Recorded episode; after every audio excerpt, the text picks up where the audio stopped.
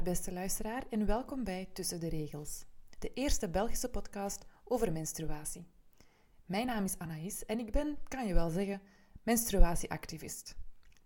Nee, dat betekent niet dat ik schilderijen maak met mijn menstruatiebloed of bloemetjes maak van maandverband in de openbare ruimte, al heb ik superveel respect voor de mensen die dat doen. Ik probeer met woorden en verhalen onze sociale denkbeelden over menstruatie in vraag te stellen. Ik moet je namelijk niet vertellen dat we met z'n allen nogal geheimzinnig doen over menstruatie. Maar waarom eigenlijk? Waarom krijgen we op school bijvoorbeeld geen uitleg over cysten op de eierstokken, endometriose of wordt het woord vulva er zelfs nooit uitgesproken? Waarom schamen we ons eigenlijk als we op kantoor of op school met een maandverband of tampon naar de wc lopen? En welke effecten hebben de hormonen die tijdens de cyclus vrijkomen op de rest van ons lichaam? En nu we dan toch bezig zijn, waarom is de mens een van de weinige zoogdieren die effectief menstrueren? Eerlijk gezegd heb ik op al deze vragen in heel mijn leven nog nooit een bevredigend antwoord gekregen. En ik ben nieuwsgierig aagje, dus vanaf het moment dat ik besefte dat er nog mensen waren die zichzelf al die vragen stelden, ben ik op onderzoek uitgegaan. En al snel kom ik op de uitleg dat er heel weinig onderzoek bestaat over menstruatie, omwille van het sociale taboe. In het boek Vuile Lakens, dat hun gelijknamige podcast vergezelt, schrijven Helene de Bruyne en naamgenote Anaïs van Ertvelde dat de mededeling dat ze een hoofdstuk aan het schrijven waren over menstruatie onthaald werd op walging of schamperheid. Mooi. De rest van hun hoofdstuk legt uit hoe doorheen de geschiedenis medische verklaringen werden verzonnen voor de maandelijkse bloeding. In de oudheid, bij Aristoteles, was het een ophoping van voedsel dat de vrouwenmaag niet kon verteren. In de middeleeuwen volgde men de humoren- of lichaamssappentheorie van Galenus, ook een wetenschapper uit de klassieke oudheid. En menstruatie was daar een teken van een te vochtig lichaam. Mannen waren namelijk koud en droog, eigenschappen die positief werden bevonden, in tegenstelling tot warm en vochtig, vrouwelijke eigenschappen. De christelijke theorie? Menstruatie is een straf van God omwille van de val van Eva, die zich liet verleiden door de slang.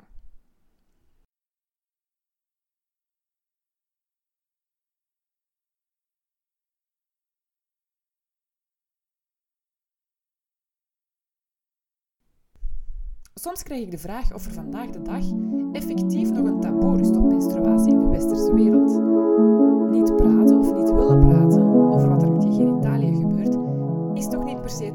Op een taboe. Je praat toch bijvoorbeeld ook niet over je stoelgang? Wel, hoewel ik wel degelijk mensen ken die zeggen dat ze in hun vriendenkring vrij over hun stoelgang kunnen spreken, ligt het taboe op menstruatie toch ergens anders. Het gaat immers over meer dan alleen het bloed en dat het uit je lichaam komt, maar hoe men denkt wat dit met de rest van je lichaam doet. In een TED-talk die ik onlangs bekeek, sprak de Amerikaanse gynaecologe Jen Gunter over het taboe over menstruatie en legde ze uit dat dit niet gelinkt is aan het bloed. Als dat wel het geval zou zijn, zouden we bijvoorbeeld ons ook heel erg schamen over een neusbloeding. Volgens haar is het eerder een sociale methode om vrouwen te onderdrukken. Dit heeft doorheen de geschiedenis, zoals ik uitlegde, niet alleen onze cultuur en religies beïnvloed, maar ook onze wetenschappen. Begin 20e eeuw werd er nog een studie gepubliceerd die beweerde dat vrouwen menotoxines produceren. Dat zijn stofjes die zogezegd bloemen doen verwelken of melk slecht doen worden. Deze studie is echter op geen enkele manier door andere wetenschappers bevestigd geweest, maar het idee dat vrouwen onzuiver zijn tijdens hun regels leeft jammer genoeg nog steeds. Ook bij ons in de westerse wereld. En het jammer is dat deze angst voor menstruatie vaak maar één oorzaak heeft: het gebrek aan kennis. Zelf ben ik namelijk vanaf jonge leeftijd al geconfronteerd geweest met de gevolgen van het taboe op menstruatie. In mijn familie hadden de meeste vrouwen hevige pijnklachten, waardoor ik mijn eigen pijn nooit in vraag gesteld heb. Die was zo erg dat ik tussen mijn 14e en 26e ontelbare keren, bibberend en zwetend van de pijn, op de badkamervloer en later in de zetel heb gelegen, wachtend tot mijn pijnstiller eindelijk zou werken. Op mijn 27e kreeg ik dan de diagnose endometriose. Dat was een bevrijdend moment, omdat dit mij een verklaring gaf voor mijn pijn en andere klachten en ruimte gaf naar een behandeling via een operatie. Toch kon ik me niet van het gevoel ontdoen dat dit al veel eerder had kunnen worden aangepakt. Namelijk als er in het dagelijks leven, toen ik een tiener was, wat meer over menstruatie gesproken zou worden. Op school, door bijvoorbeeld leerkrachten, klasgenoten, vriendinnetjes, door dokters of zelfs in de media. Natuurlijk zijn pijn en ziektes niet de enige reden waarom we meer over menstruatie zouden moeten praten. Heel veel mensen weten bijvoorbeeld niet hoe de maandelijkse cyclus verloopt. Hoe zit dat nu weer met het luteiniserend hormoon, de hypofyse en de follikel? Een rondvraag bij een twintigtal mensen leerde me dat dit in heel veel scholen ofwel niet aan bod komt of kwam, ofwel op zo'n klinische manier wordt verteld dat veel mensen het na het afstuderen heel snel weer vergeten. In mijn geval ging het voornamelijk over wanneer je vruchtbaar bent, wanneer je zwanger kan worden en wat je kan doen om dit te voorkomen. Dit is ook bij andere mensen zowat het verste dat de meeste leerkrachten blijken te gaan. En dat is best jammer, toch? Want heel veel jongeren trekken dan de wereld in met heel weinig kennis over vruchtbaarheid en menstruatie. En dit kan heel vergaande gevolgen hebben, want wat als je niet weet hoe je cyclus werkt? Dan kan je ook geen bewuste keuze maken voor de juiste anticonceptiemethode bijvoorbeeld. En dan weet je bijvoorbeeld ook niet dat de menstruatiecup even hygiënisch is als maandverband. En wie vertelt je dan dat je in de stopweek van de pil ook beschermd bent tegen zwangerschap?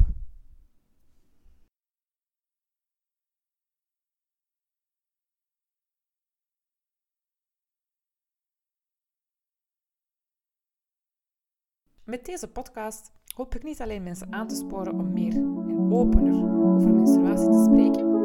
Ik ga in de komende afleveringen ook op zoek naar wetenschappelijke informatie om met jullie te delen. Want zoals Dr. Jen Gunter in haar TED-talk aanhaalde, je hoeft geen dokter te zijn om te begrijpen hoe je lichaam werkt. En ik ga eerlijk zijn, dit was een van de meest krachtige en bevrijdende ideeën die ik heb gehoord. Aan de hand van verschillende thema's en vragen ga ik in 2020 elke maand een aflevering maken. Ik nodig mensen uit die op hun eigen manier en in hun eigen werkveld bezig zijn met taboes rond menstruatie te doorbreken.